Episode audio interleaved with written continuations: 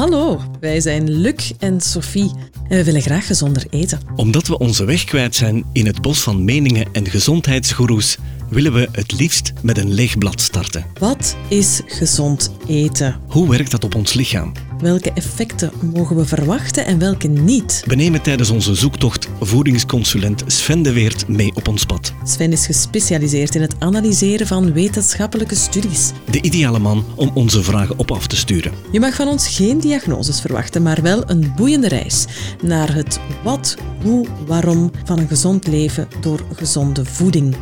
Welkom bij Beetweters.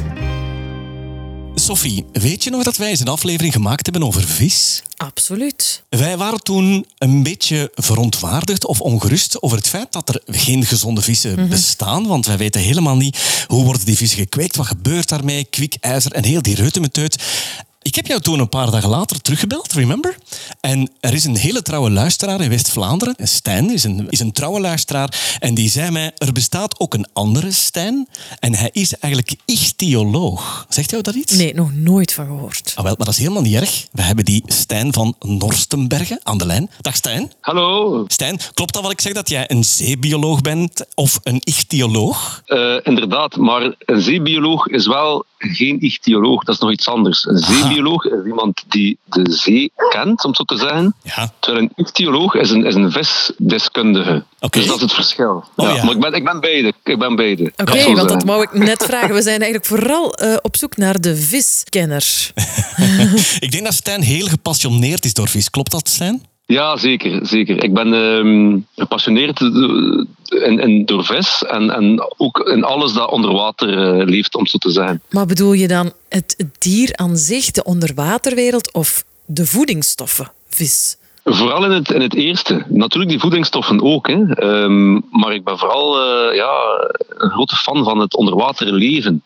Nu, ja, het wordt geheten hè, door de mens. Dus eh, in mijn ogen was het, de productie van een duurzame vis toch een oplossing om te zorgen dat dat onderwaterleven minder schade ondervond. Oké, dus als ik het goed begrijp, zeg jij nu dat jij zelf de productie van de onderwaterwereld beïnvloedt.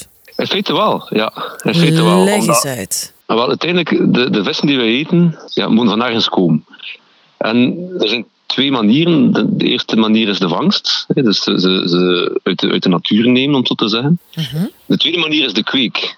Als je via de kweek kunt zorgen dat er minder vissen gegeten worden die gevangen moeten worden, ja, dan zorg je wel dat er meer vissen overblijven in de wilde natuur. Maar natuurlijk, het probleem met die kweekvis is dat er veel kweekvis eigenlijk meer wilde vis nodig heeft in zijn voeding dan dat hij zelf eh, opbrengt. Om, een, om een voorbeeld te geven, voor een kilo zalm te kweken heb je eh, bijna drie kilo wilde vissen nodig uit de zee om die kilo zalm groot te brengen. Ja. Vandaar dat wij toen in de tijd, dat was in eh, 2009, dat is al een tijdje geleden, en men zegt van ja, we moeten een keer een vis kweken die geen dierlijke eiwit nodig heeft, een vegetarische vis.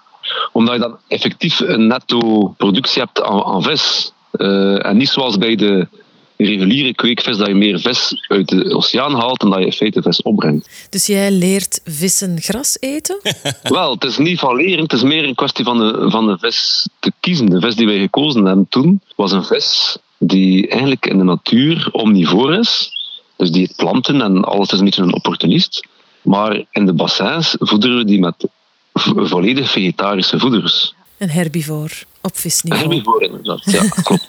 Hoe ben je eraan begonnen, Stijn? Want dit lijkt mij een, een grandioos, niet alleen een grandioos idee, maar dit lijkt mij ook een gat in de markt. Ja, kijk, het is een grandioos idee dat, dat uiteindelijk er gekomen is door, door trial, trial and error. Dat hebben wij jarenlang gedaan. Ik heb eigenlijk een doctoraat gedaan eh, op die vis. Ik ben eigenlijk begonnen met naar Australië te gaan. E- Eerst en vooral hebben we ook de vis gevonden via het internet. Dus het internet is uiteindelijk iets dat gezorgd heeft dat we die vis hebben leren kennen. We hadden in feite een shortlist opge, opgemaakt van allemaal vissen die eventueel konden gekweekt worden en vegetarisch waren.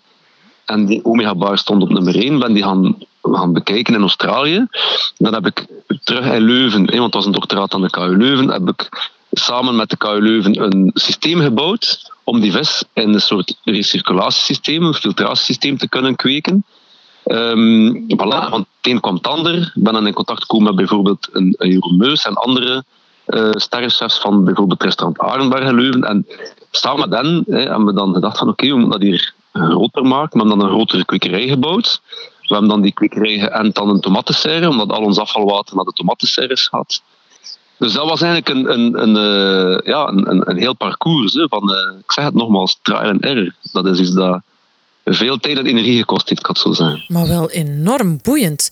Want je spreekt, want de naam was eerder nog niet gevallen, over de omega-baars. Ja, ja, ja, ja, zo noemt hij zo noemt die vis. Ja. Dus dat was een vis die eigenlijk al bestond en die jullie op het, ja, ja, ja, ja, op het spoor zijn gekomen, die jullie naar hier geïmporteerd hebben. Of van waar kwam de omega-baars? Hebben jullie die moeten... Australië. Oké, die hebben jullie effectief ginder gaan halen. Voilà.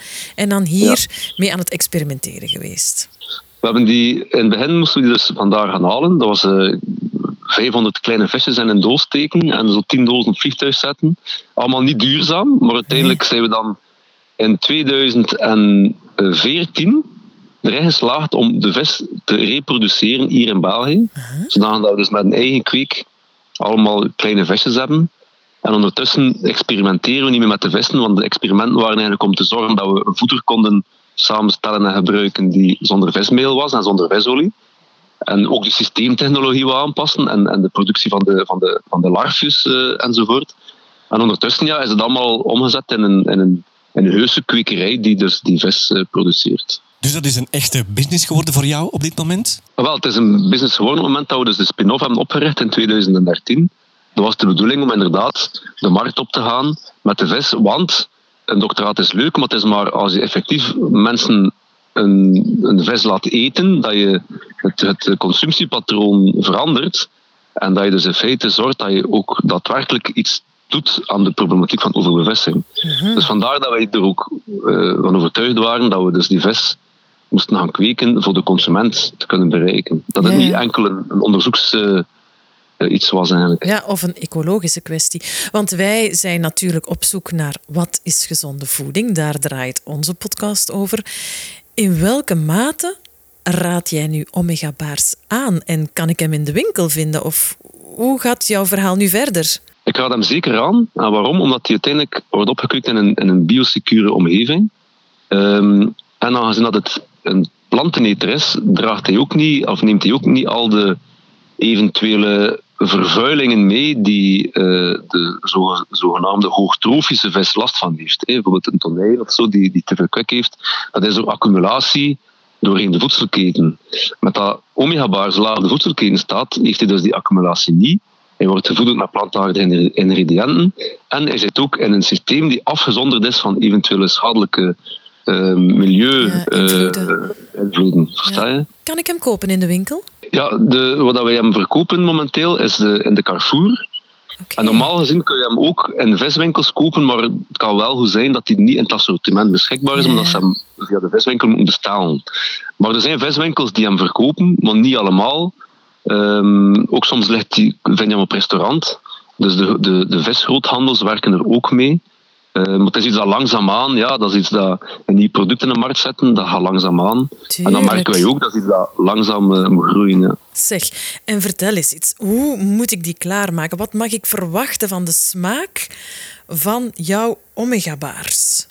Je kunt hem eigenlijk op heel veel verschillende manieren bereiden. Uh, mijn, mijn favoriet is in feite de, de, de meunière, een beetje zoals in ja. zo klaarmaken. Gewoon in, in de pan met wat boter dus de filets, hè. filets in de pan met wat boter, peper en zout. That's it. Maar je kunt hem ook op zijn geheel in de oven klaarmaken, like dat je forel klaarmaakt, met wat, met wat tijm en rozemarijn in de buik. En uh, zelfs rauw kun je er hele goede tartare van maken. Of een, um, of een um, ceviche met wat uh, citroen of wat zuren erbij. En we verkopen hem ook gerookt. Dus je kunt hem ook gerookt vinden. En als je hem gerookt eet, de meeste mensen zeggen dat doet ons wat denken aan. Uh, het zit een beetje tussen gerookte paling en gerookte makreel. Ik ben eigenlijk super benieuwd. Ja, maar wij blijven met de, wij blijven met de allerbelangrijkste vraag zitten, Stijn, want dat is de reden waarom wij jou bellen. Durf jij me nu met jouw hand op jouw hart vertellen dat dit effectief een gezonde visie is die deftige voeding heeft gekregen? Ja, daar kan ik helemaal eerlijk uh, ja op antwoorden. Mm Oké, en wat voor voeding geef jij die omega-baars dan? Ja, wel, dat is een, een mengeling van alle soorten granen, hè, zoals tarwe, er zit wat maïs in. Er zit, er zit er ook redelijk wat uh, koolzaad en, en lijnzaad in. Nee, die lijnzaad zorgt ook voor, voor wat omega-3. En we vullen dat aan met, met wat uh, zeewier en wat, wat microalgen. Ja, dat kon je zomaar kopen in de handel?